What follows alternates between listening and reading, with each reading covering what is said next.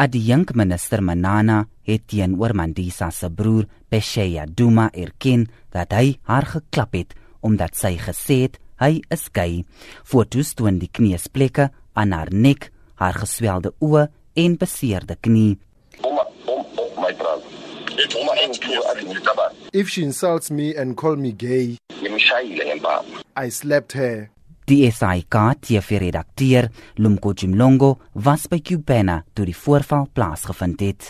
From the table not too far away from where we were sitting was the Deputy Minister of Higher Education and Training with a few of his friends.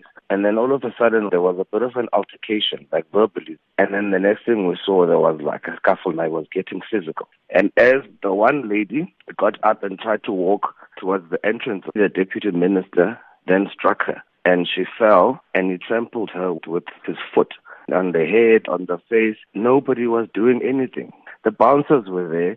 The manager was there. Some of the waitresses and waiters were there. And at this time, he was pulling her by the hair. And then he continued hitting this woman. Na die voorval het Mandisa se broer vir Manana telefonies oor die aanranding gekonfronteer. Footage comes out after you had lied to me and said you did not touch my sister, that will be another day for you. And it won't be a friendly day. It will not be a friendly day. If she insults me and call me gay, I slapped her.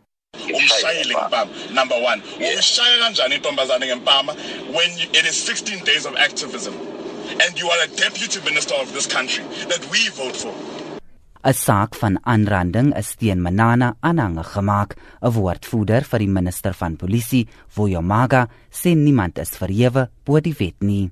The case has been opened in uh, Douglasdale police station uh, on the charges obviously of the assault and we, the police are supposed to do what they are supposed to do knowing that our job is to protect uh, women and children the most vulnerable group as well as to make sure that no one is above the law and the law must take its course Daar is sosiale media gebruikers wat vra dat die adjunk minister afgedank word.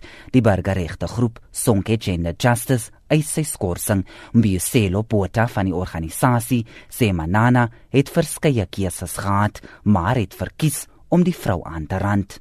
It's important to also emphasize that the minister had many choices. One of the choices is he could have easily walked away, and that would not have that would not have diminished his manhood if his concern or worry is that in some circle he'll be regarded as being unmanly. It's important to say that it sends a particular message, especially to the boy child, that when you walk away from a situation that may lead to anger, you are no less of a man.